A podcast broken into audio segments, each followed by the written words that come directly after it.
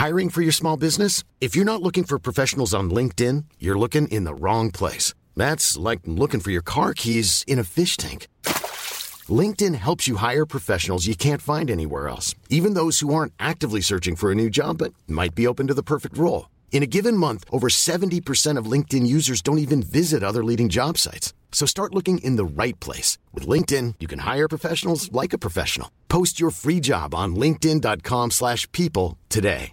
Hey, I'm Ryan Reynolds. At Mint Mobile, we like to do the opposite of what Big Wireless does. They charge you a lot, we charge you a little. So naturally, when they announced they'd be raising their prices due to inflation, we decided to deflate our prices due to not hating you. That's right. We're cutting the price of Mint Unlimited from $30 a month to just $15 a month. Give it a try at mintmobile.com slash switch. $45 upfront for three months plus taxes and fees. Promo rate for new customers for limited time. Unlimited more than 40 gigabytes per month. Slows. Full terms at mintmobile.com.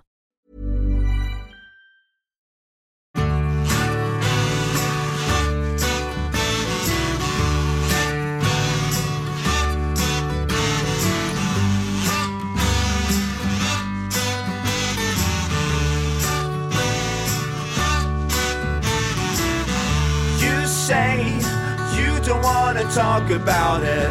You may rather be choking on it today, whether you like it or not. The words come stumbling out. The next stop's where I get off. Jag säger hej och välkomna ska ni vara till ett helt nytt avsnitt av veckans samtal. Tillsammans med mig, Johan Alberg, och idag med författaren, skribenten, Italienälskaren Marcus Birro. Först och främst vill jag tacka så mycket för alla fina kommentarer och påhejningar angående förra avsnittet med Marcus Leifby. Det uppskattas jättemycket, så tack så hemskt mycket för det.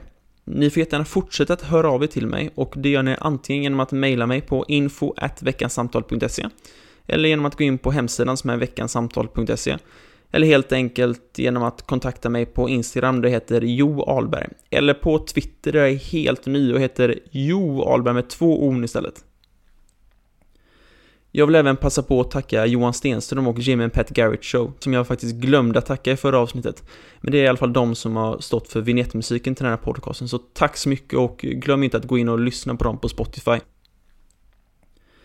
Marcus Birro då. Det känns som att alla vet vem Marcus är och som om att alla har en uppfattning om honom. Jag skulle först och främst beskriva honom som författare, skribent, mediaman och dessutom en Italienälskare utan dess like.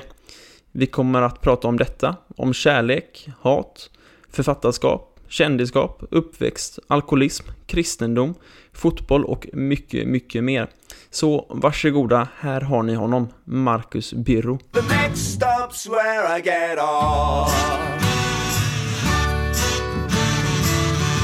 Hur mår du Marcus då? Jag är lite gubbtrött faktiskt. Jag är ute och jag börjar känna av min ålder lite faktiskt. Vadå då? Du är 42 va? Mm. Det är ingen ålder? Nej, men det är lätt för dig att säga som jag är 23. Jag är alltså dubbelt så gammal som du är. Ja. Mm. Det märks inte. Jo, det gör det. För mig märks det när jag, när jag möter dig här utanför i solen och skakar hand märker jag att jag är att jag, är, att jag är mycket äldre än vad du är. Men eh, det gör att man blir lite gubbtrött ibland. Man blir trött utan anledning. Man gnäller när man lyfter och böjer sig och såna grejer. Jag vet inte var det kommer ifrån.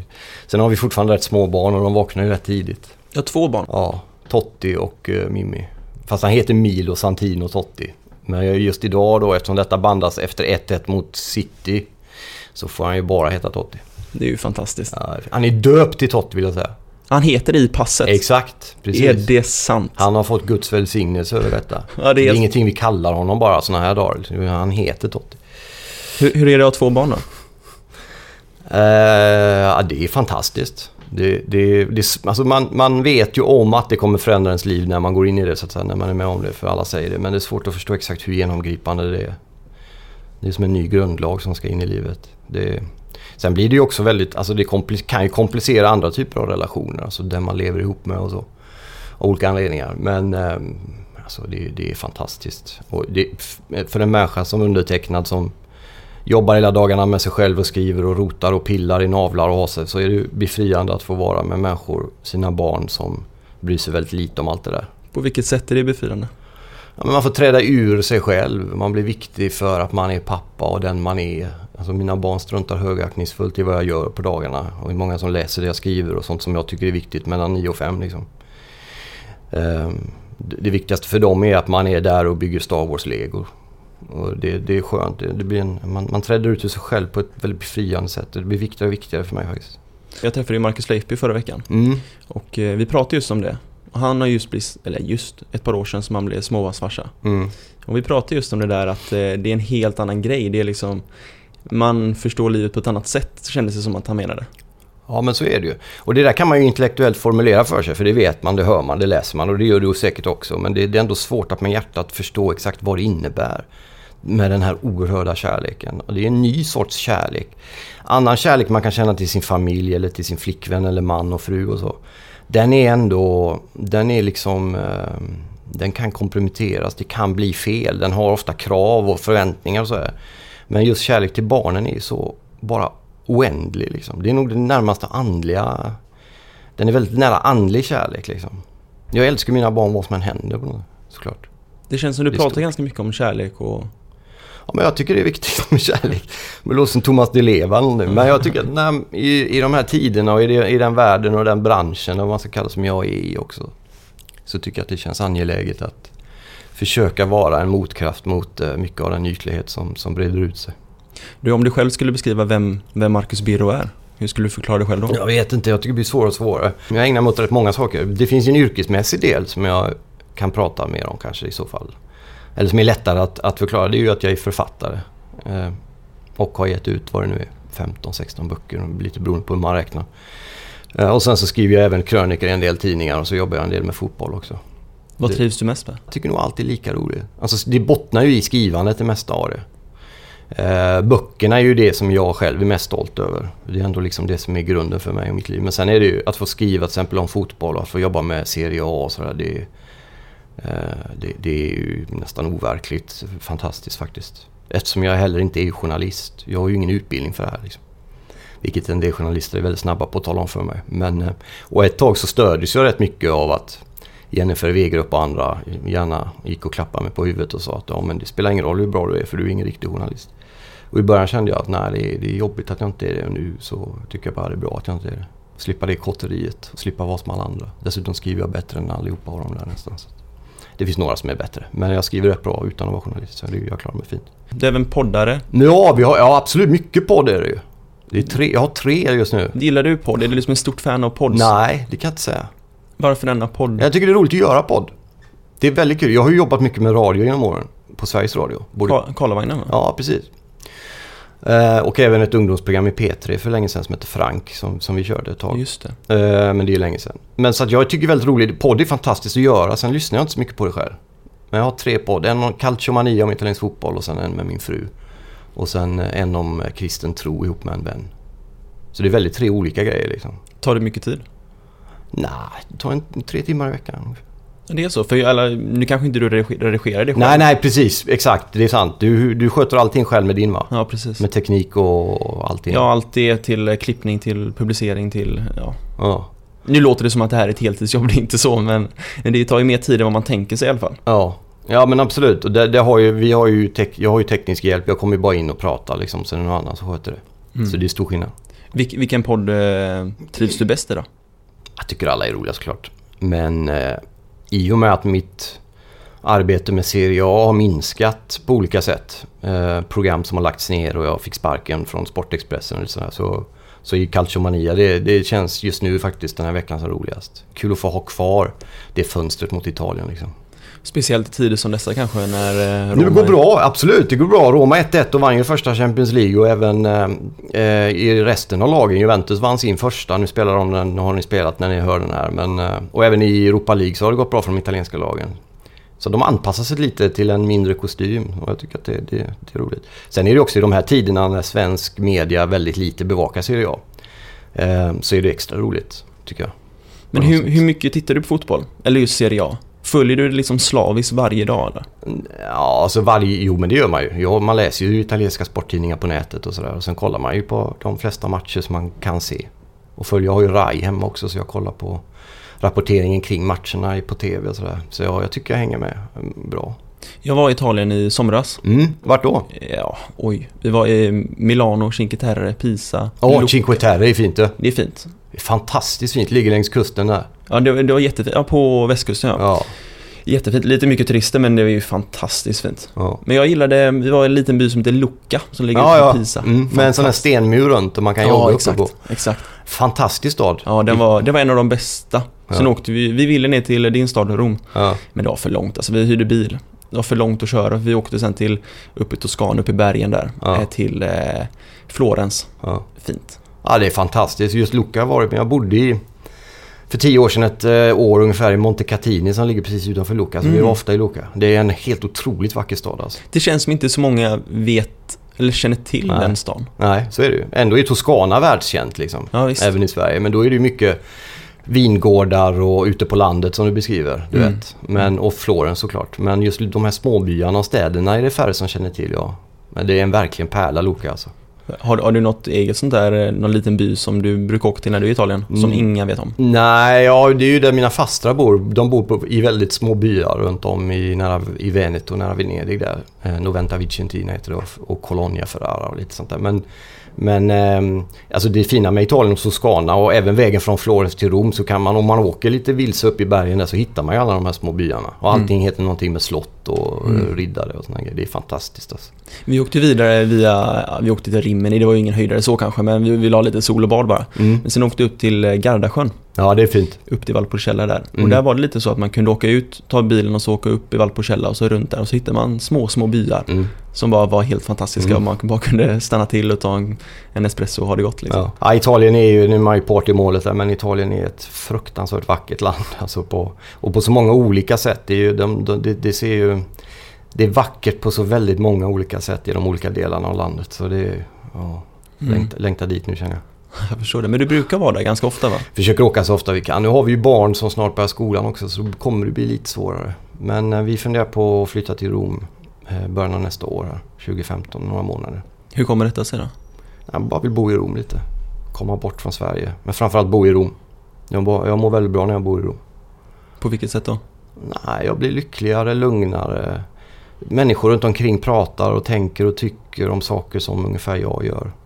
I Sverige är det också fantastiskt men det är mer...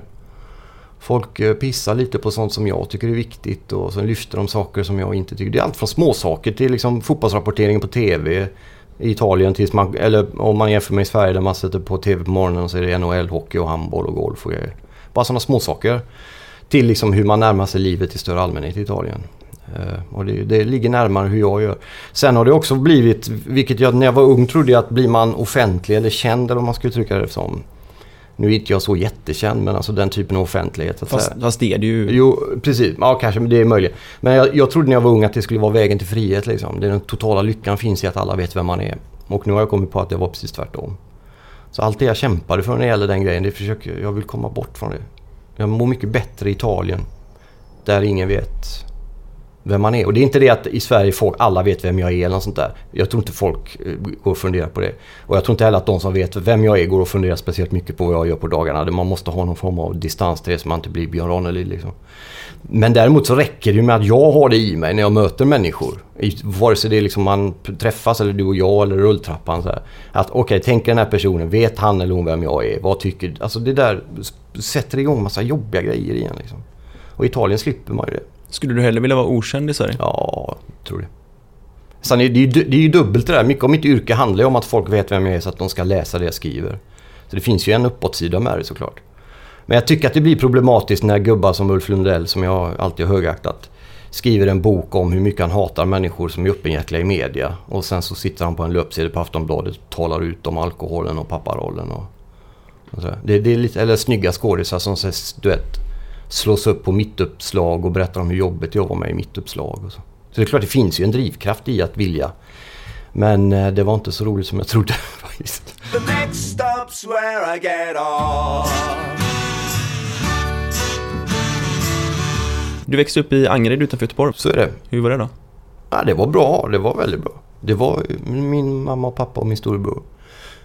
och då var Angered eh, i slutet av 70 början av 80-talet var ju eh, inte som det är nu. Väldigt mycket lugnare och stilla. Och så. Det var några fulla finnar som satt på en bänk ibland. Men annars var det liksom radhus och, och trädgårdar och skola och allt sånt där. Så det var, det var en bra tid.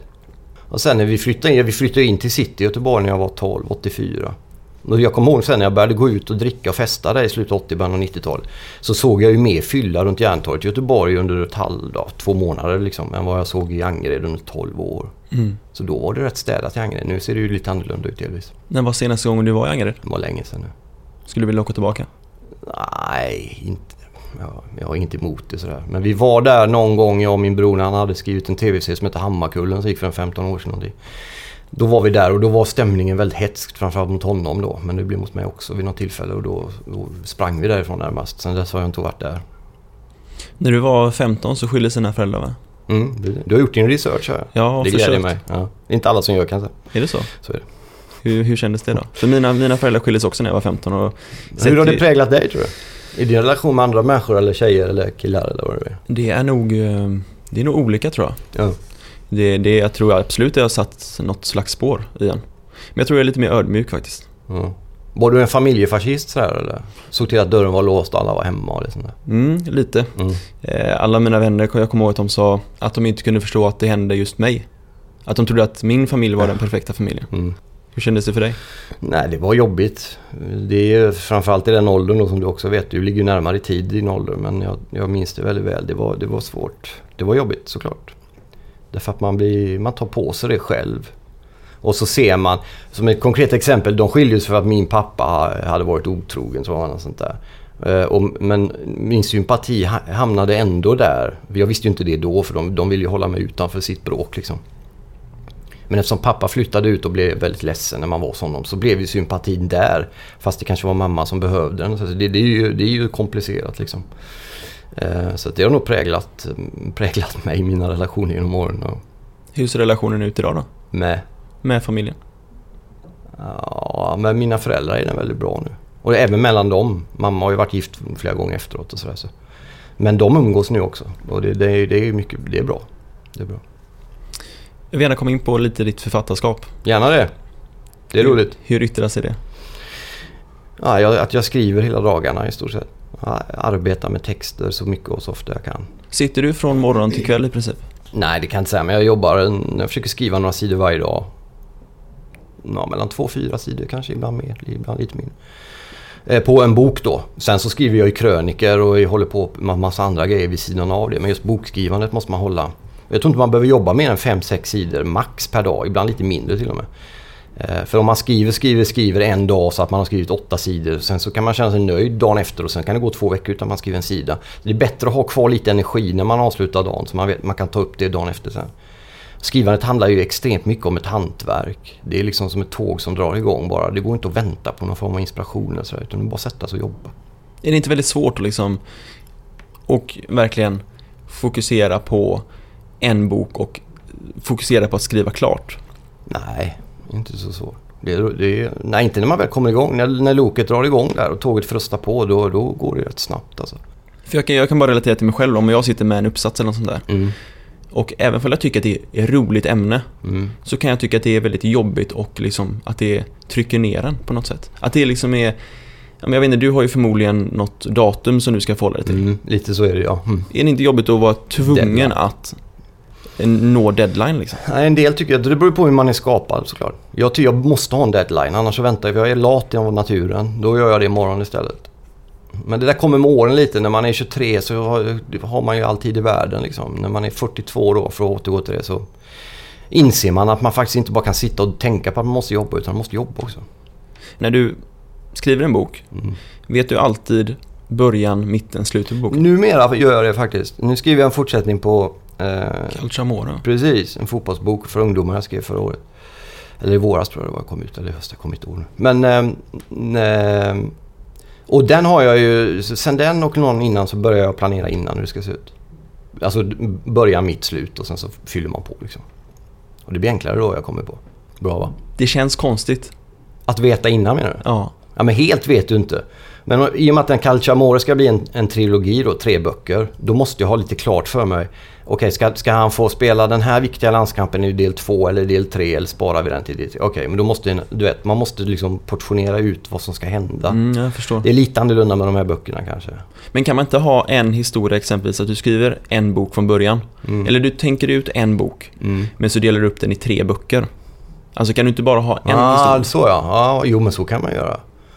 Varför eh. inte göra så? Det känns som att det är mycket mindre jobb med det. Det är lättare att fylla ut än att... Men det är lite så det är. Det är ju Okej. nästan så det är faktiskt. Eh, Men man delar upp det. Ja, det var en bra tanke faktiskt. Jag funderar lite på den. Ja. Mm. Kanske en ny affärsidé, jag vet inte. Ja, faktiskt. Eh, Men det, ja, första var ju väldigt mycket eufori och glädje och sådär. Och Andra ska handla om att han får motgångar också. Jag vet, Bojan Djordjic läste Calciamore och tyckte den var jättefin. Kul. Eh, ja, jag blir jätteglad för det. Men eh, man hade en eller någon anmärkning hade han ju. Och, och den, den anmärkningen han hade, ja men det går väldigt lätt för honom hela tiden. Och då tänkte vi det, ja men del två ska han möta på lite skador och problem och så. För det hör ju också till.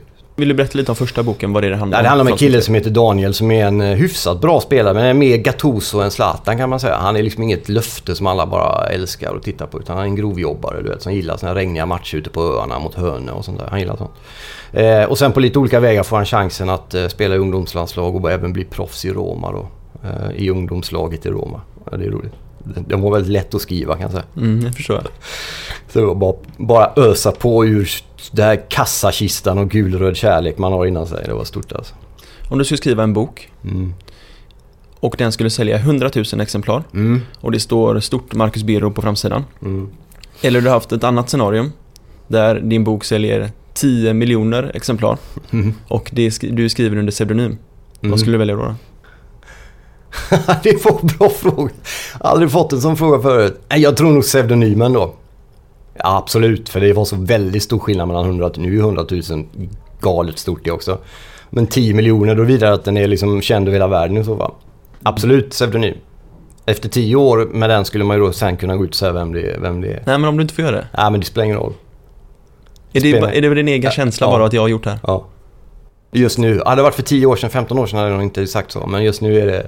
Nu har man så mycket under det egna bältet själv ändå så skulle man bara bli väldigt glad över det. Jag tänkte yes, jag visste det. Och, och sen tror jag att det skulle kunna vara, inte att man säljer så många ex, men framförallt tror jag folk kanske då närmar sig den här boken med något andra ögon än när de ser mitt namn. Det är en massa människor som har en massa felaktiga föreställningar om vem jag är och vad jag gör och så.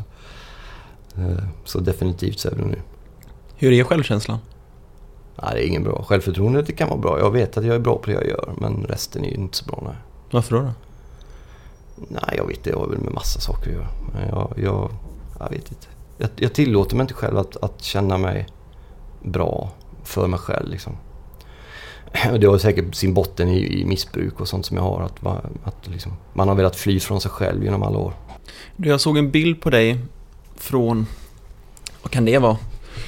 Ja, det är ganska många år tillbaka tiden nu, men du var väldigt stor. Ja, den där fetmabilden. Ja, kanske mm. varit. Mm. Och så som jag har förstått det så var detta under tiden du var alkoholiserad. Ja, jag var precis i slutet, eh, till nio år sedan, till 2005.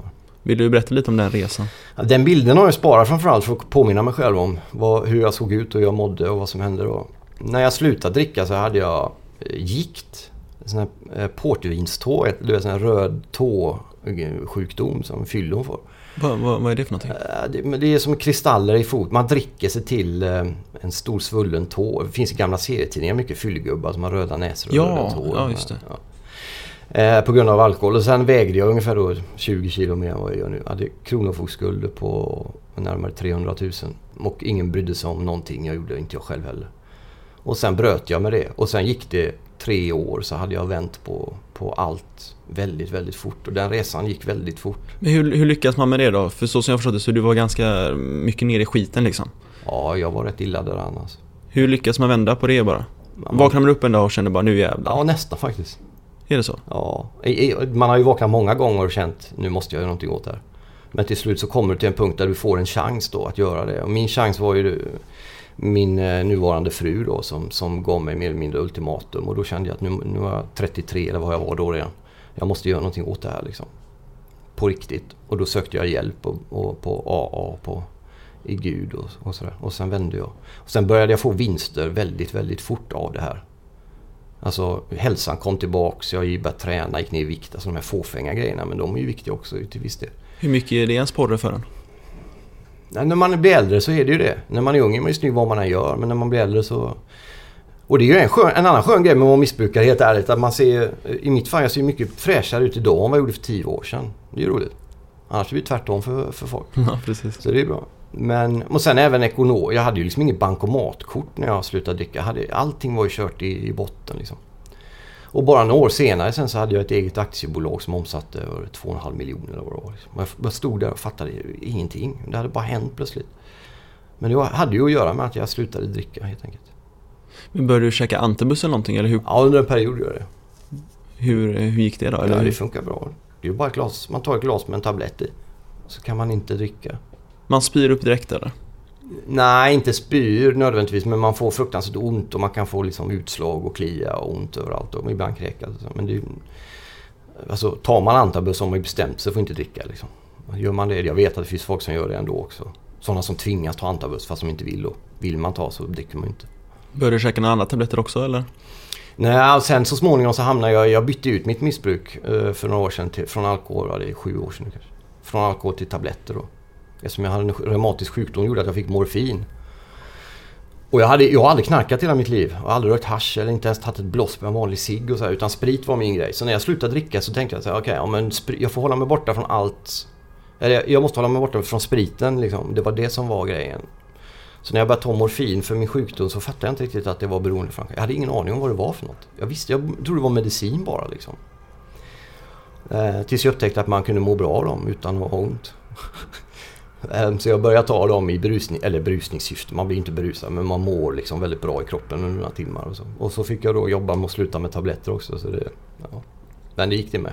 Men kan du, kan du liksom romantisera en fylla nu? Eller du- fylls du bara av äckel när du tänker på det? Tabletterna kan jag nog fortfarande romantisera kring faktiskt, ärligt talat. Men du, du blir aldrig så om du, om du går här på Söder så går du förbi en pub, någon Jo. sitter i solen sådär. Jag längtar efter. Mm. Nej, inte sprit. Det, det är en sorts längtan tillbaka till det förflutna och min ungdom i så fall. Och den är förbi. Det spelar ingen roll om jag går in och sätter mig och tar en glas öl. Jag kommer inte bli 23 igen ändå. Liksom. Jag kan berätta för dig hur det är. Ja, exakt. Är det roligt då? Det är helt okej. Ja, Det är lite virrigt ibland, men det är okej. Ja. Eller överlever. Ja, lite exakt. Men jag tycker inte att 45-åriga gubbar ska hänga på krogen när gymnasietjejerna drar in. Liksom. Står där och hänga in magen som en sandsäck vid bardisken vid halv tolv och bara dregla på finskorna. Liksom. Det är ovärdigt. Mm. Jag har gjort de åren. Däremot så kan jag tycka att jag saknar tabletterna ibland. Ärligt talat. På vilket sätt då? då? Därför att de, eh, de var ju mycket mildare berusning. Du märkte inte, du, du gick under radarn liksom. Ingen, ingen märkte något. Så man kunde, man kunde ju vara liksom påtänd är ett starkt ord, men man kunde vara påverkad av dem utan att någon märkte något. Ja, du, du, kunde- du kunde jobba, du kunde Ja, ja man jobbar du bättre än. Man jobbar ju bättre i början. Mm. Framförallt med de här Tradolan som de heter, alltså lite svagare morfintablett. Mm. Så det där jobbar jag fortfarande med. Men hur skiljer du dig rent personlighetsmässigt från typ när du drack eller använde tabletter Ja, till nu? tabletterna är liksom en väldigt kort parentes. Drickandet var ändå 15 år. Det, är en intressant fråga tycker jag. Därför att det är väldigt mycket, allting har ändrats. Min politiska ståndpunkt, mitt, mina värderingar, mina ideal. Eftersom alla de här grejerna skaffade jag mig under berusning i stort sett. Jag var ju full mellan 89 och 2005. Så när jag blev nykter så blev jag mig själv och då upptäckte jag plötsligt att jag tyckte en massa olika grejer än vad jag hade tyckt innan.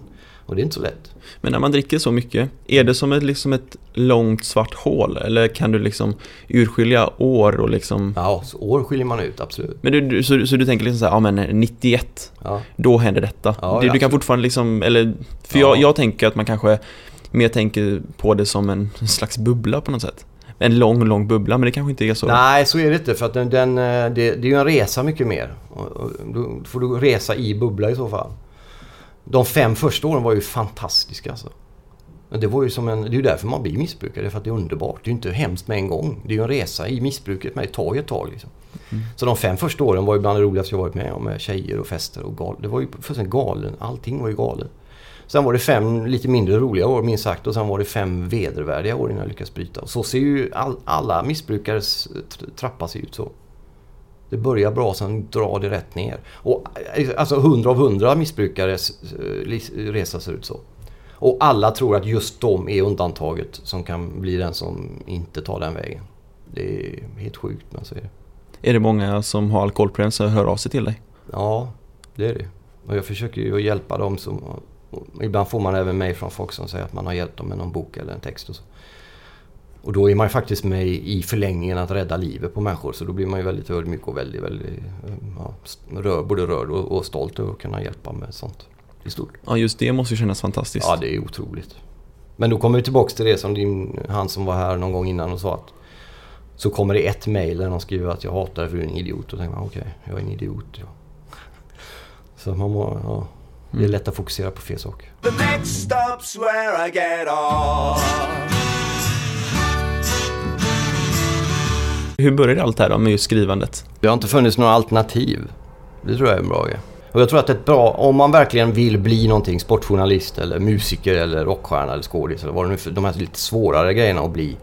Så har man bestämt sig för att bli det och inte har någon annan tanke på någonting annat så, så kan man, är det större chans att man blir det. Men vadå, du sitter här och säger att det var bara författarskap du skulle ägna dig åt. Men ändå så är du poddare, föreläsare, skribent i Expressen. jo, nej, det har du rätt i. Det är sant. Faktiskt. Men det ligger ändå hyfsat nära i linje. Det jag föreläser handlar om ungefär det jag skriver om och sådär. Och jag är ofta ute och föreläser kring en bok jag har skrivit och så. Så det, det är några grejer som har gått som programledare i radio och sånt där. Det har väl ganska lite med skrivande att göra egentligen. Även om även i Karlavagnen hade vi ju varit fyra krönikor per program och sånt där. Så jag försöker ändå ha stommen i att det handlar om att uttrycka sig i någon form. Podd handlar ju också om att uttrycka sig och beröra människor i någon mening. Ja, givetvis. Så på det sättet är det ju ungefär samma.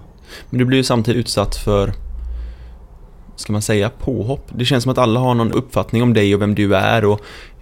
Jag blir både utsatt och utsedd till på... Precis, men Ja, så- hur känns det då? Nej, Liksom? det är inget... Alltså, det är, på- det är en dagsformsfråga. Idag känns det rätt okej tycker jag. Men igår kanske det var jobbigare. Jag vet inte, det är olika. Jag kan ju bli rätt trött på att det är på det sättet. Faktiskt. Har du lätt att ta åt dig saker och ting? Ja, framförallt de som inte gillar det man gör. Eller rättare sagt, de, de som har problem med det jag skriver och står för och så, de har jag inga problem med. Jag, tar, jag jobbar med sådana människor i närheten varje dag. Men det är när det blir personligt hatiskt, vilket det blir i mitt fall rätt ofta. Då kan jag tycka att det är lite jobbigt.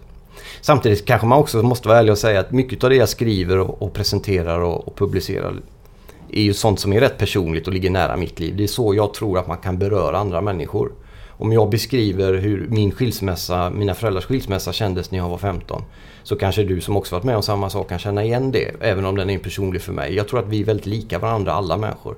Det är det mitt skrivande hämtar sin näring ur. Och då kan det ju vara så att även kritiken mot det jag skriver blir rätt personlig. Att det faktiskt är, är liksom, jag bjuder in lite till det. Men att ha Magnus Bettner resande land och rike runt och skrika år ut och år in hur mycket han hatar den, det är klart det känns ju lite segt. Men framförallt är det så länge människor är beredda att betala 350 spänn för att gå in och skatta åt det så kan jag tycka att mm, nu kommer de få hämta mig här. Men en annan grej jag tänkt på när det gäller den där delen också. Alltså han, han legitimerar ju säkert det med att jag har någon form av maktposition och så att han slår underifrån mot mig och så. Och det får man väl på något sätt respektera. Jag kan tycka bara att många av de här som går till eh, kanske en sån här skämt och tycker det är roligt när någon driver med någon annan. Skulle någon börja mobba deras barn på skolgården skulle de tillkalla genomsvettiga ett eh, fort ett extra möte med rektorn och beklaga sig liksom. Eh, medan man kan sitta och skratta. Så länge det inte handlar om en själv så är det, är det, är det roligt att titta när de börjar rulla handdukarna. Hiring for your small business? If you're not looking for professionals on LinkedIn, you're looking in the wrong place. That's like looking for your car keys in a fish tank. LinkedIn helps you hire professionals you can't find anywhere else, even those who aren't actively searching for a new job but might be open to the perfect role. In a given month, over 70% of LinkedIn users don't even visit other leading job sites. So start looking in the right place. With LinkedIn, you can hire professionals like a professional. Post your free job on linkedin.com/people slash people today. One size fits all seems like a good idea for clothes until you try them on. Same goes for healthcare. That's why United Healthcare offers flexible, budget friendly coverage for medical, vision, dental, and more. Learn more at uh1.com. Hey, it's Ryan Reynolds, and I'm here with Keith, co star of my upcoming film, If, only in theaters, May 17th. Do you want to tell people the big news? All right, I'll do it. Sign up now and you'll get unlimited for $15 a month and six months of Paramount Plus Essential Plan on us. Mintmobile.com slash switch. Upfront payment of $45 equivalent to $15 per month. Unlimited over 40 gigabytes per month. Face lower speeds. Videos at 480p. Active Mint customers by 531.24 get six months of Paramount Plus Essential Plan. Auto renews after six months. Offer ends May 31st, 2024. Separate Paramount Plus registration required. Terms and conditions apply if rated PG. Går och snärtar i duschen liksom. Är man inte utsatt själv kan man ju skratta åt det. Det är inte lika roligt när man är utsatt själv sen. Utsätter du andra också på något sätt? Jag har nog gjort det ja. Jag är framförallt i debattklimat och sådär. Men om man ser 4, 5, 6 år tillbaks så tror jag inte att du hittar mycket texter som är medvetet aggressiva mot person eller sak. Jag försöker tona ner, tona ner det. När jag snackade med, med Mauro, Mauro Scocco om det där vid något tillfälle. Han är ju inte liksom tudelad på det sättet. Han är ju nästan bara älskad i så fall. Liksom. Även om man säkert har folk som tycker att han är konstig och så. Men han sa en enkel men ändå svår sak. Är, liksom, du måste hitta din egen väg i det. Du kan inte låta människor som tycker illa om dig definiera dig. Och du kan inte låta människor som verkligen tycker om dig definiera dig. Du måste tro på det du gör. Du får sluta ägna så mycket tid åt vad folk tycker. Liksom. Jag kan inte påverka det ändå. Och det, sista två åren har jag blivit bättre på det. Jag gör det som jag tycker är viktigt. Jag skriver om det jag tycker är viktigt. Och sen får vad folk tycker om det eller... Det, jag kan liksom inte på, jag kan inte styra det.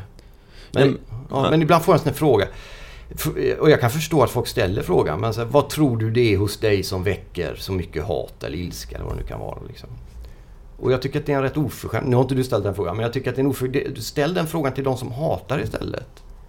Fråga Bettner och de här varför. Vad är det som gör att du hatar så starkt? Du har aldrig träffat den här människan liksom. Du bygger någonting utav liksom, en stad av skärvor och mörker på något sätt. Jag vet inte. Men jag förstår att du, att du säger så och jag förstår också att, alltså jag, jag känner också lite så ibland att och jag brukar säga det till vänner och sådär att jag, jag bryr mig inte vad andra tycker om mig eller vad jag gör eller startar podd eller Jag skiter i det. Mm. Men gör man verkligen det? Nej, inte riktigt. Nej, det, gör, det är klart man inte helt och fullt gör.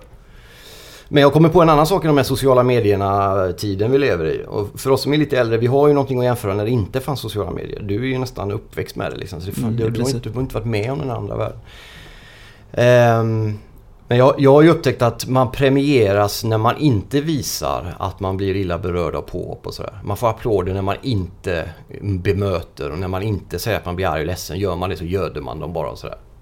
Det är och precis som du är inne på, det är ju inte det att man inte blir ledsen. Utan det som man premieras för. Utan man, att man inte visar att man blir ledsen. Men hur ofta är det som du exempelvis då går på stan och så kommer det fram någon till dig eller någon säger någonting och att du bemöter det snällt? Att du, eller att du bemöter det men de flesta, alltså nästan alla som kommer fram är ju snälla. De som tycker illa, de, de hålls ofta... Det har hänt någon gång att någon kommit fram och att jag är en idiot. Annars är de flesta som kommer fram snälla. De, de som inte gör det, de tar, mejlar det anonymt eller skriver någon kommentar. Så. Men det är också, jag får ju sluta gnälla också. Jag gnäller ju rätt mycket alltså, Jag får ju extremt mycket uppskattning också. Mycket, mycket mer uppskattning än vad jag får skit av folk. Så ja, ja, det är lite oförskämt mot dem också att hålla på och fokusera på vad några enstaka liksom går runt och muttrar om. Är du pretentiös? Ja, absolut. Jag tar det jag gör på allvar. Jag tycker det är viktigt att vara eh, tydlig. Jag tycker det är viktigt att man lägger ner mycket arbete på att skriva bra texter. Det är som Joakim Berg Kent sa att om man inte har pretensioner med det man gör, varför ska man göra någonting då för? Kan det gå till en överdrift också? Ja, det kan det Björn Ranelid är ett bra exempel. Jag gillar Björn Ranelid, mm. men där har det slagit slint lite. På olika sätt. Eh, men, men det, det, kan bli djupt, men det tycker jag framförallt kulturvärlden symboliserar. Det kan bli djupt, man krånglar till det för krånglets skull. Det, det tycker jag är pretentiöst i så fall. Fast då är det ett annat ord, det är någon kvasikultur tycker jag är ett bättre ord. Pretensioner tycker jag är bra att ha, för det handlar om att man tar det man gör på allvar. Och det betyder att man tar de som man förväntas vill ska läsa det man gör på allvar. Sen så kan jag fortfarande driva med att jag tar det jag gör på allvar och skratta åt det. Men själva jobbet är viktigt liksom. Men när det slår över och man har installationer, du vet när man rullar in en kokosnöt i ett rum och kallar det ensamhet. Såna då känner man, mm, jag vet inte. Eller dikter som man helt omöjligt kan begripa sig på. Eller pantomimteater. Otextade albanska filmer där en kvinna i kåpa kommer ut och matar en höna i 40 minuter. Såna Då har jag, det, har jag lite, det har jag lite svårare för. Det förstår jag. Jag tycker att alla filmer ska innehålla Will Smith eller ett hemsökt radhus. Det är de två enda typerna av filmer som man kollar på. De här kulturfilmerna. Du är ändå en kulturkille egentligen. Men just filmer, är, jag vet inte. Håll det enkelt. Men är det inte helt enkelt bara så att folk har olika definitioner av vad pretentiös är? Ja, exakt så är det. Många tycker nog att jag är pretentiös eftersom jag är högtidlig i mitt skrivande och så. Men vi lever ju i ett land också som räds allt som är heligt och viktigt och upphöjt och sådär. Vi blir nervösa då så då måste vi skoja bort det liksom. Väldigt mycket så i Sverige. Vi monterar ner allt heligt och vi applåderar oss själva medan vi gör det. Och det föder ett av världens högsta självmordsstatistik. Det föder ensamhet. Det föder ungdomar som har allt och mår sämre och sämre. Folk som skär sig i armarna och sånt där. Det är vad det föder. När man, när man jobbar bort allt heligt i livet då blir det tomt. Liksom. Det, är, det är inget svårare än så. Bara lägga ihop ett och ett. Du låter ganska så dyster på något sätt. Ja, pretentiös kan jag. Pretentiöst dyster Nej, kanske. jag är inte dyster. Jag tror det finns hopp för alla. Men, men landet och som kollektiv Sverige är ju, är ett rätt oandligt land. Liksom. Så är det ju. Mm. Vi är ju världens mest sekulariserade land. Alltså vi, Jo, så är det. man frågar folk hur viktig är Gud i ditt liv och då säger extremt många i Sverige att han är väldigt oviktig. Hur stor del av Gud tar du del av då? Jag försöker vara troende i alla, alla dess delar. Sen, sen är tvivel är en stor del av tron också. Så det, det, är, en, det är en relation som pågår. Liksom. Men har du varit troende hela ditt liv Ja. eller? Många tror att jag blev, liksom, när jag blev nykter att jag blev frälst och liksom, att jag förvandlades till Ulf Ekman på en kvart. Men jag har varit troende eh, sen jag var 14. Fram fick jag en liten fickbibel av en Gideoniterna som de heter som kom och besökte vår skola. Eh, Och då började jag be och så. Sen så har jag ju levt ett, ett märkligt liv som har gjort att jag har hållit mig undan Gud under flera år när jag drack och festade och sådär. Men eh, det har varit nära, olika nära olika tider. Men jag är ju inte troende då. Nej. Men Gud, ger det dig bara eller tar det en viss del också? Hur bra? Ja, det ger ju mycket mer än det tar. Men det ställer krav. Och jag tycker ju om den delen av tron, att Gud ställer krav. Jag vet ju många andra andliga troende som ser Gud som en sorts...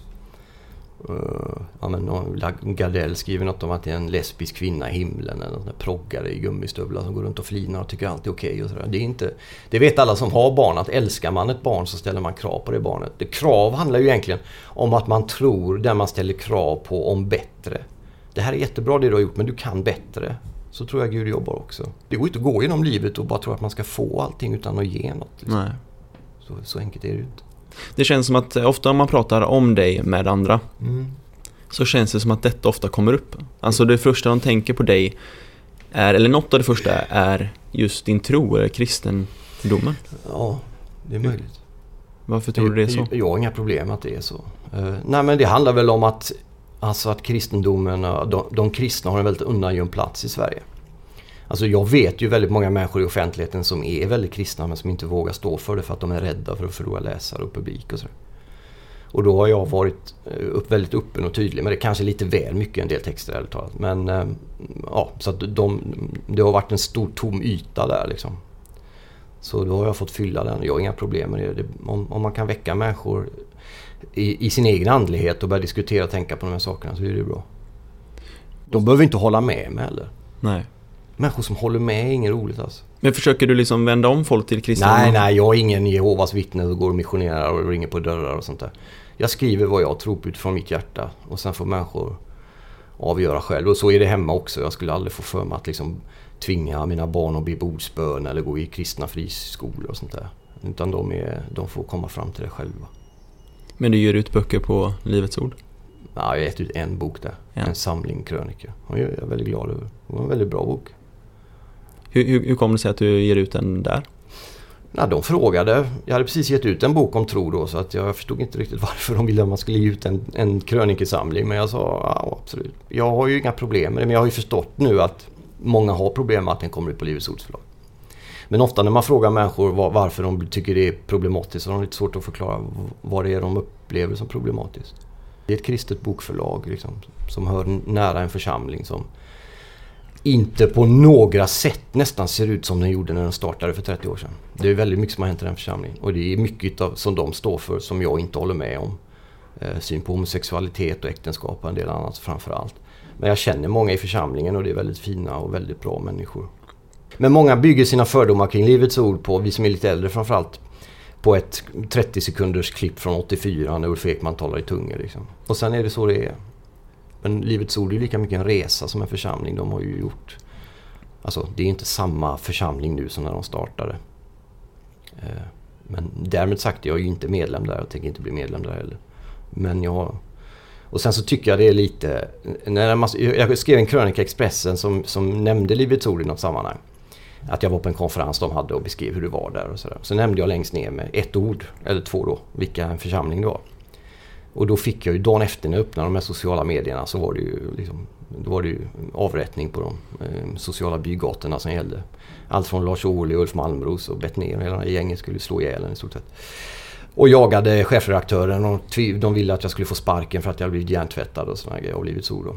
Och det intressanta där är ju att jag hade åkt dit, var där en dag och skrev om det jag såg. Medan de människorna som anklagade mig för att vara hjärntvättad hade aldrig satt sin fot inne på Livets Ord. De har aldrig varit, de har ingen aning hur det ser ut. Och då är ju jag som är hjärntvättad. Som åker dit och skriver vad jag ser. Alltså vem är som är hjärntvättad? Är det jag som är där och skriver det jag ser eller är det killen som sitter på Södermalm och vet hur allting är utan att ha varit där? Jag vet inte. Folk får avgöra själva. Du hade även planer på att kandidera för Kristdemokraterna. ja, just det. Vill du berätta lite om det? Nej, jag vet inte vad som hände där riktigt. Det var Impuls bara. Ja, ja, både och. 2011 var det som jag... Göran Hägglund som är partiledare. Han, han eh, kände sig utmanad men trygg. Så han sa alla som kände sig manade att utmana mig ska träda fram. Och då kommer Marcus Ja, Birro. det är lite otippat. Men jag hade, jag, jag hade en tanke på... Alltså jag älskar ju politik och så, så jag hade en tanke på att det kanske skulle vara läge att testa det. Men, men det är klart att det var en väldigt naiv tanke. Eh, och det blev ju väldigt fel. Framförallt hade jag samtidigt skrivit kontrakt på att ta över ett tv-program i TV4 som hette, hette Kvällsöppet. Och då sa de där att du kan ju inte både kandidera som partiledare för ett parti och leda Kvällsöppet. Det fattar du va? Och det insåg jag kanske inte riktigt. Det, det funkade dock för Gustaf Fridolin ska vi säga. Han satt i riksdagen för Miljöpartiet när han jobbade på TV4. Just det. Men eftersom han är miljöpartist och exakt alla journalister på TV4 också är miljöpartister så, så gick det mycket bättre än om han var kristdemokrat plötsligt. Men eh, nej, det var ju naturligtvis, det, det var ju en väldigt naiv tanke. Men hur långt i tankarna gick du då? Nej, jag, hade, jag ringde ju valberedningen innan och jag pratade med dem och tänkte och de var jätteglada, vi testar det här. Jag jobbar ju så lite. Jag testar grejer och ibland blir det rätt och ibland blir det fel. Liksom. Jag vill inte bli en smart strateg som de flesta andra i, i, ehm, i närheten av den här stadsdelen vi sitter i nu som planerar allt och är så vansinnigt ängslig för vad alla rättänkande Södermalmsproggare ska tycka och tänka om det man gör. Liksom. Utan jag gör det jag gör och det jag känner för. Och ibland vinner man på spåret och ibland skämmer man ut sig i Let's Dance. Liksom. Det, man får ta det dåliga med det goda. I efterhand så insåg jag att det var en väldigt naiv tanke att bli partiledare. Och jag förstår att de som garvar åt det garvar åt det. Jag har själv garvat rätt mycket åt det kan jag säga. Däremot så kan jag bli något beklämd när så kallat seriösa journalister som Lena Melin på Aftonbladet och andra efter det här hade hänt skriver texter som, som är liksom fulla av hat. Som om jag hade slagit ihjäl någon. Liksom. Som hade gjort något brottsligt verkligen. Jag skulle hängas ut som en idiot för att jag trodde det här. Det kan jag tycka är lite... Alltså Sverige straffar naiva människor rätt hårt. Det är lite synd. Italien gör inte det på samma sätt eller? Ja, nej, där kan ju vem som helst bli politiker nästan. Jag vet inte om det är en mycket bättre grej faktiskt. Där är det ju galenskaper på andra sätt. Men, eh, men det är ju inga, det är ingen hemlighet att, att alltså, det finns ett temperament här som gör att jag utsätter mig för saker som är, jag tycker är rätt spännande. Eh, och sen, sen är det inte alltid att det blir rätt liksom. Men då får man ju leva med det. The next stop's where I get off. 2010 så vann du och Johanna Koljonen På spåret va? Eller var det 2011? Ja, nej, 2010. Hur var det då? Det var jätteroligt. Det var fantastiskt roligt. Ehm, och det var mycket grejer som hände under den där tävlingen som var, som var väldigt speciell. Ehm, men det var, det var enormt roligt. Det var väldigt, väldigt roligt. Syftar du till att du var med och dansade i Let's Dance på andra kanalerna? Alltså grejen är det, med det, det var, På spåret spelades in hösten 09 då, det, när vi vann. Ehm, och samma kväll vi hade vunnit, då får man inte berätta det eftersom det ska sändas ett halvår senare. Liksom. Men samma kväll vi var ute och firade det här att vi hade vunnit ihop med teamet och folk och så. Då ringde de från Let's Dance och frågade. Och då var jag, så jag svarade ja då. Så det är min enda ursäkt och min enda som jag har tyvärr. Det var därför det blev så. Eh, och det skulle jag naturligtvis ha inte ha varit med i. Det hade varit bättre att bara köra På spåret. Också. Varför då? Eller det är ju Ja, lätt... men jag ska jag i Let's Dance ju. Nej, men det är ju lätt att vara efterklok också. Ja, jo absolut. Och jag, jag vill ju inte vara en sån där. Liksom, hade jag varit smart så hade jag kanske inte gjort det. Men nu tänkte jag, ja men det verkar ju roligt liksom. Men det var ju, det var ju, det skulle jag ju inte varit med. Men jag lärde mig rätt mycket av. Jag lärde mig inte dansa dock. Men jag lärde mig att säga nej. Så jag blir mycket bättre på att säga nej till sånt där efter det. Jag, jag fattade, för jag höll på med någon sorts, vare sig jag ville eller inte, någon väldigt folklig del. Jag var med i Allsång på Skansen 2009 och läste dikter liksom. Vad är det? helt sjuka grejer. Det var väldigt roligt men... Och så sjöng Dan Andersson-låtar med kulturministern och sånt där. För att jag ska, och gick på Nobelfesten blev jag bjuden på. Och sen då Let's Dance och På spår. Väldigt, väldigt publika saker. Det var någon helg där som någon räknade ut att jag hade varit i 4,5 miljon tv-tittare i olika kanaler på samma. Och jag tänkte det måste vara fruktansvärt. Inte ha någon kanal en fredag utan att jag är med liksom. Så jag lärde mig väldigt mycket av att jag vill inte vara i, i så mycket i, i den där världen liksom. Så, så efter det har jag ju monterat ner mycket av de grejerna. Men På spåret jag är extremt stolt över att vi vann. Hur högt upp rankar du den prestationen? Ja, det är bland de fem, sex skönaste grejerna. Det är ju, det är, jag sätter en stor ära i det. Det är ju ändå en, det är inte många som har gjort liksom. Men är det på grund av att det är någon slags, ja det är en extrem eh, bekräftelse på något sätt. Det är ju framför hela svenska folket som har visat att man är duktig på någonting. Ja, så är det exakt. Så är det. Och sen vet jag att det är många kända människor som inte vill vara med. För att de är rädda för att framstå som eh, dumma och sådär. Eh, och jag hade varit med året innan med en annan då, med Tina Alin och då hade det inte gått så bra. Så när de ringde igen och frågade, ja du, du vill vara med? Då sa jag nej två första gångerna. Tills de ringde igen och så, då tänkte jag, men jag vill gärna vara med men jag håller på att fega själv här. Så, ja, vi kör. Och så fick jag vara med Johanna som är så duktig då. Och så fick vi vinna. Tänk om jag hade sagt nej till det. Hade jag inte fått vara med om det. Så tänkte jag kanske med Let's Dance också. Jag kanske missar något här. Och som sagt, ibland blir det rätt och ibland blir det fel. Så är livet för alla. Ni slog ut eh, Filip och Fredrik i semifinalen va?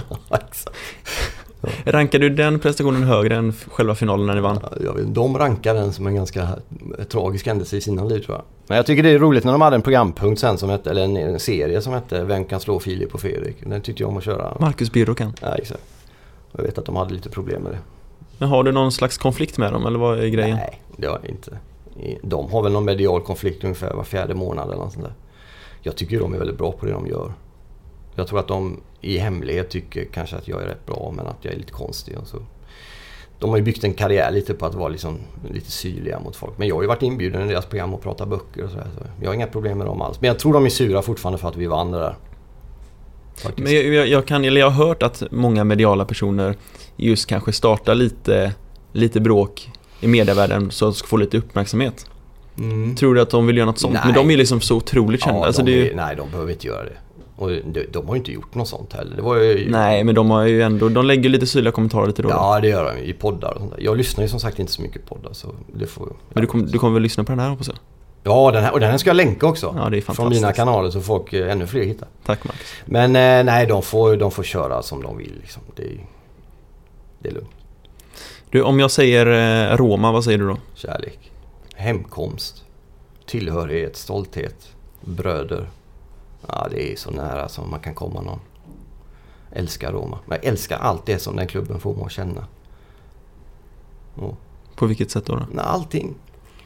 Tillhörighet, samhörighet, kärlek, känsla, eh, syskonskap, eh, värme, värdighet, utmaningar. Allting, allt viktigt i livet går in under Roma liksom. Skulle du säga att du har ett sunt förhållande till klubben? Nej, all, all kärlek, är- det, alltså all riktig kärlek gränsar ju till att det är osunt ibland. Men det ger mycket mer än vad det tar. Faktiskt. Tror jag. Fast Va? jag vet inte om det är sant riktigt. Jag tänker på italienska landslaget som jag älskar också väldigt mycket. De vann VM 2006 som alla vet. Men innan dess så var det ju 16 års terror liksom. Från 90 och framåt. Ut på straffar 90. Ut på straffar 94. Ut på straffar 98. Fattar du? 10 år. EM 2000. Han moderatpolitikern från Mölndal, Anders Frisk, lägger till en halvtimme var det i den här finalen mot Frankrike. Och så vänder de och vinner den skiten. 10 års terror där. Alla med Paolo Maldini som lagkapten för övrigt. 2002 så är det den här Moreno, domaren som dömer bort dem mot Sydkorea i den här Fifa-maffia-uppgörelsematchen. Kolla på den på Youtube om ni ser. Jag tror de gör fyra, offside, fyra mål som döms bort för offside fast ingen är det. Just det. Totti Just. åker ut efter att bli brutalt nedsparkad. Han blir utvisad för filmning. Och den där Moreno, han åkte sen fast för knarksmuggling i USA och satt i fängelse. Fattar du? Den domaren fick döma Italien i VM 02. 04, 14 år efteråt. Jag var 18 år 90. 14 år senare, då är vi framme i 04. Där sitter man alltså svårt alkoholiserad i någon lägenhet i Haga ihop med Tommy Körberg och kollar när Sverige-Danmark spelar, vadå? 2-2. Kommer du ihåg den matchen? Jag kommer ihåg det var faktiskt. Bulgarien, Italien, Sverige, Danmark i samma grupp. Due, due. Exakt, och då skulle inför sista matchen, om Danmark-Sverige skulle spela 2-2 skulle Italien åka ur och Sverige-Danmark gå vidare. Det var lite andra matematiska referenser också. Faktiskt, men det, var, det är mycket fokus på just det resultatet. Då frågar några italienska journalister den här husvagnsgubben där som ledde landslaget då, Lagerbäck där. Som leder Island nu med den stora äran faktiskt. Han är väldigt duktig på det han gör. Ja. Även om man inte har någon koll på italiensk fotboll överhuvudtaget. Ja, det, han bara snackar om att de fortfarande försvarar 1-0-ledningar och såna grejer. Herregud. I alla fall, han kommer, sitter vid någon press där så frågar journalisterna. "Ja, Vad, vad, är ni syskonland, finns det risk att ni spelar 2-2 då? För att, och då blir han arg Lagerbäck och säger nej, nej, nej, sånt där ägnar vi oss inte åt i våra länder liksom och pekar på italienarna då. Och sen blir det 2-2. Och jag frågar Magnus Hedman som jag känner lite hundra gånger om det där. Och han var ju med den matchen. Kan du inte säga att det var inte uppgjort innan men det blev uppgjort under tiden ni spelade? Kan du inte svara på... Säg att det var så istället då. Vet du vad han svarar varje gång? Säg. Nej. Jag, hör, alltså jag hörde att de, eller nu kanske det är spekulationer, men att de pratade under matchen och säger ja men kom in för anfall då så... Ja, det är klart. Sen fanns det nog olika, det fanns ju en del i Danmark som spelade i Serie A i Italien. Vet ju anfallare bland annat som var i Milan då som, som verkligen ville att det inte skulle bli 2-2. Men de flesta ville att det skulle bli 2-2. Mm. Så är det. Det ser man på slutet framförallt av matchen också. Och sista målet och sånt där. Och sen då 06 så vinner Italien VM då äntligen. Det är ju 16 års terror liksom för det här VM-guldet. Men vissa får in, inget VM-guld. Nej, jag vet. Och det är det som är apropå Calcio Amore, gör den kopplingen också. Alltså spelare som eh, Leo Messi, Cristiano Ronaldo, Zlatan Ibrahimovic och Wayne Rooney och en massa andra har ju... Några har varit i närheten men ingen av dem har ett VM-guld. Däremot har Gattuso ett VM-guld. Jag tycker det, det, det är fantastiskt med fotbollen på något sätt. Liksom. Marco Materazzi avgör på egen hand närmast en VM-final. Alltså en gangster. Han är ju ingen fotbollsspelare. Han är ju fullständigt vansinnig, galen människa. Som får hela sitt liv att vända när han kommer in mot Tjeckien i den här sista gruppspelsmatchen 06. När dessutom Alessandro Nesta, du vet allas älskling, världens vackraste försvarare, blir skadad. Så kommer den här gangstern in och det första han gör är att nicka in 1-0 för Italien mot Tjeckien och sen vänder hela hans liv. Ja, visst. Han åkte ut mot Australien för han sparkade ner Sambrott. Han sparkade ner sin egen spelare och åkte ut. Fantastiskt. Och sen kommer han tillbaks då. Orsakar straffen i finalen som Frankrike tar ledningen på. Nickade in 1-1. Alla vet den här Zidane-fascisten, han skallade honom och fick åka ur. Och sen sätter han en straff i finalen liksom. Och han är världsmästare för all framtid 9 juli 2006. Det är ett datum att minnas. Ja, det är bland det vackraste jag har varit med om. Men känns det som att, eh, typ när du är nere i Italien, för det var det som jag kände när jag var nere i Italien nu, även ifall jag, jag har visserligen läst italienska i två år, Mm. men, och det är ganska lätt att läsa tidningar och sådär. Mm. Tycker du inte att det finns så mycket mer att bry sig om just när de skriver i media om italiensk fotboll? Det står inte bara vilka som leder ligan eller vad det blev i matcherna eller vilka som dominerar, utan det står så otroligt mycket mer. Mm, exakt så är det. Jag ska jag har med mig en sak till dig. Mm. Mm. Som jag tog med mig från Italien här. Spännande grejer. Ah, kolla där är den ju. En Gazzetta dello Sport helt enkelt kan vi säga från 17 augusti va? Precis. Och det, det jag tänkte det var liksom så här att när jag satt och läste den då tänkte jag lite på dig liksom att, ja, där ser du ju Brommapojkarnas uppställning också, höger. Ja just det. Att det står så mycket mer än bara liksom Alltså det är ju en hel tjock tidning om eh, döttrars morföräldrar typ. Exakt. Och sen en annan sak vi kan lägga märke till när vi bläddrar den här är att Alltså, det, är fok- det är naturligtvis bilder och fint så men det är fokus på text. Och du ser de här Baylan, det finns inga Baylan-bilder. Nej.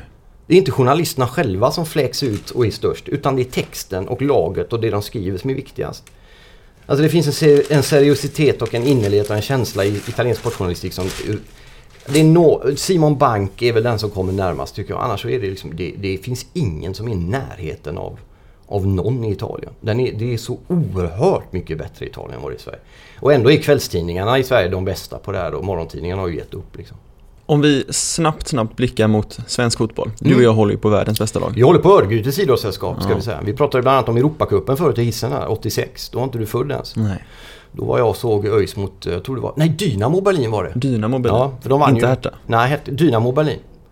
De åkte ur direkt kan vi säga. Mm. Det var ju hemma borta möten, det är inga gruppspel. Ungefär så som Malmö kommer göra nu då. Ja, kanske. Men de har ju ändå flera matcher för är gruppspel. Jo, så är det. Så är det. Ja. Men det är roligt att Malmö är i Champions League. Ja, svensk fotboll behöver det alltså. Mm. På alla sätt behöver svensk fotboll det. För det ja. Men hur hårt följer du eh, Örgryte? Jag tycker det är svårare nu när man bor i Stockholm och de spelar i division 30 liksom, Mm. som de gör nu. Men man håller ju, de fick ju stryk mot, ut, nej, mot eh, Oskarshamn nu Mm, sist. 4-1, bedrövligt. På lördag är det, det är väl derby i helgen va? Just det. Mot, alltså då är det så här, då är det ju Juventus-Roma till exempel i helgen tror jag. Och sen är det då även matchen Örgryte-Utsikten. Mm. Vilken ska man välja liksom? Ja, exakt. Det är svårt. Ta två skärmar på den kanske.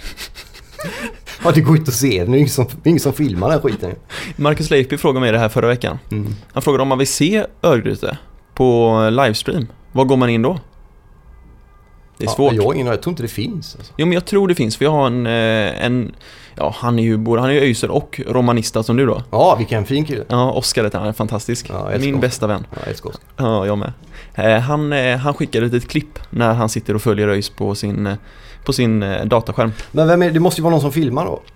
Ja, eventuellt. Jag tror det finns ÖIS-TV. Nu är det kanske en, en procent max som bryr sig om det här vi snackar om nu, men Ja. det, det känns bra ändå. Ja, fast många andra kanske håller på andra lite mindre lag och så kan de överföra det om man håller på vad det nu kan vara, Standy eller något sånt där. Liksom. Jag säger som Marcus Leipzig säger. Man bör alltid titta på ÖIS. Ja, är han öisare eller? Nej, han är från, han är, nej, han är från Småland, Jaha. Älmhult. Okej. Men han, eh, han tyckte ändå om ÖIS, så jag uppskattar det. Ja, jag älskar ÖIS. Men det var ju bättre när de var i Superettan för då kunde man se dem på TV4 Sport. Liksom. De åker upp nu. Ja, peppa, peppa. Ja, annars är ju risken att blir ÖIS guys i division 1 nästa år. Det är inget roligt. Ja. Nej, Jag såg Håkan var och kollade på guys matchen sista, Håkan Hellström. Han är Jaha. ju gaisare. men just det. Han gillar fotboll, Håkan. Mm. Fel lag bara. Ja, men det är ju bättre det än det andra, de här bananerna i pyjamas. Exakt. Exakt. Blåvitt. Alla håller på Blåvitt. Ja, Det är det lättaste som finns alltså. ja. Jag blev upphängd i mina galonbyxor när jag gick på dagis för att jag höll på ÖIS. Var det så? Ja, det var lite jobbigt faktiskt. När jag var liten, det var då det gick ganska bra för ÖIS. Då sa ju alla att du håller på ÖIS bara för att det går bra för dem.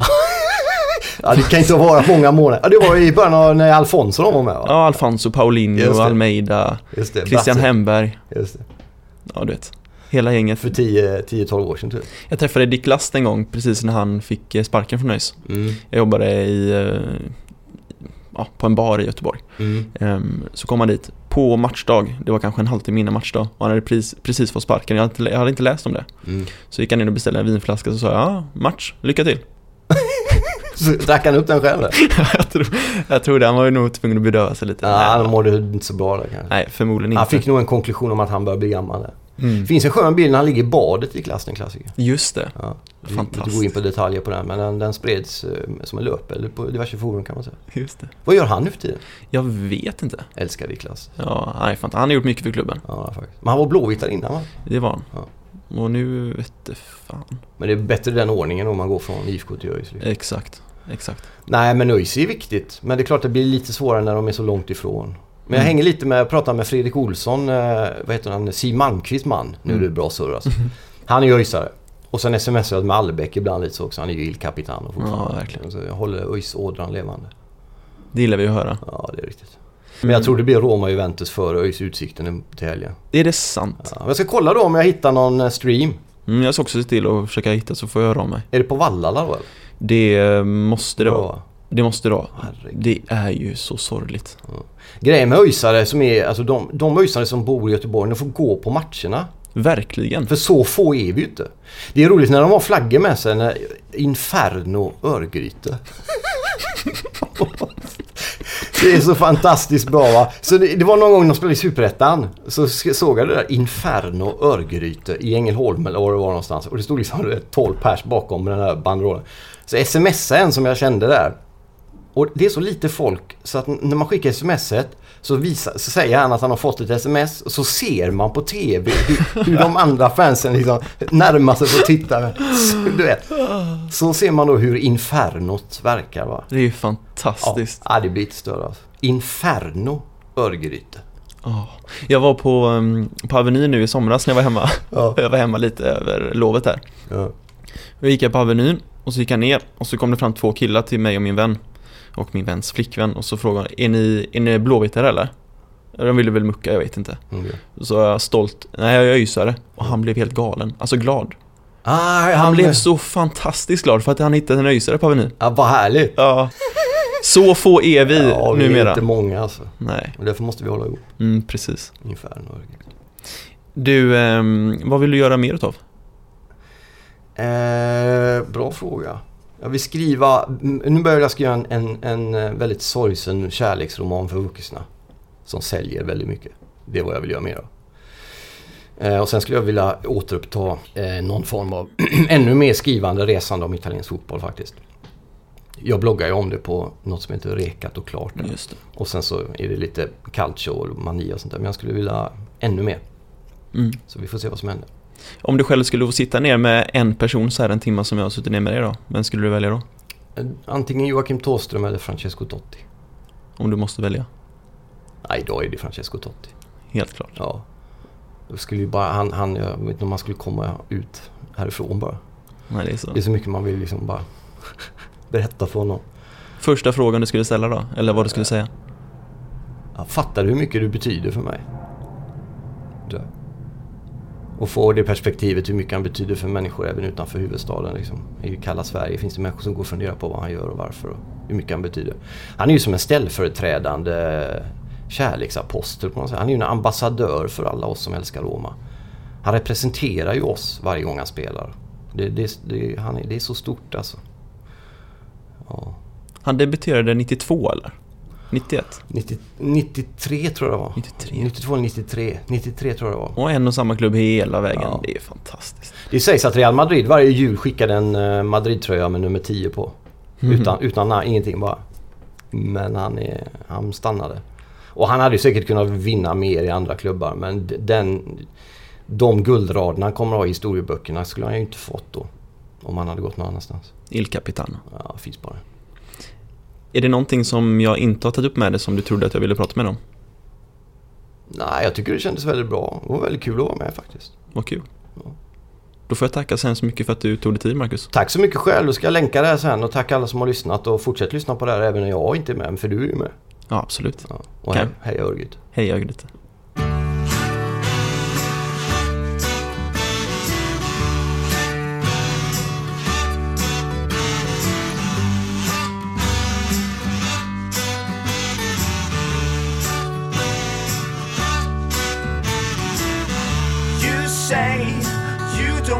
Talk about it. You may rather be choking on it today, whether you like it or not. The words come stumbling out. The next stop's where I get off.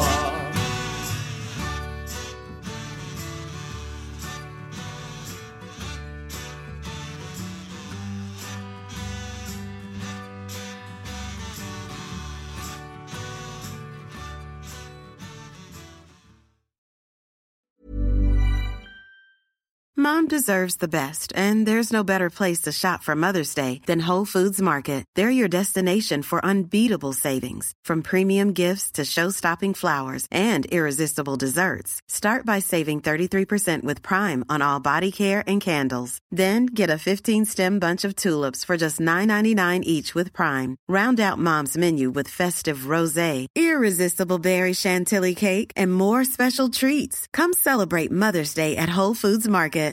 Imagine the softest sheets you've ever felt. Now imagine them getting even softer over time. That's what you'll feel with Bowl and Branch's organic cotton sheets. In a recent customer survey, 96% replied that Bowl and Branch sheets get softer with every wash. Start getting your best night's sleep in these sheets that get softer and softer for years to come. Try their sheets with a 30-night guarantee. Plus, get 15% off your first order at bowlandbranch.com. Code BUTTERY. Exclusions apply. See site for details.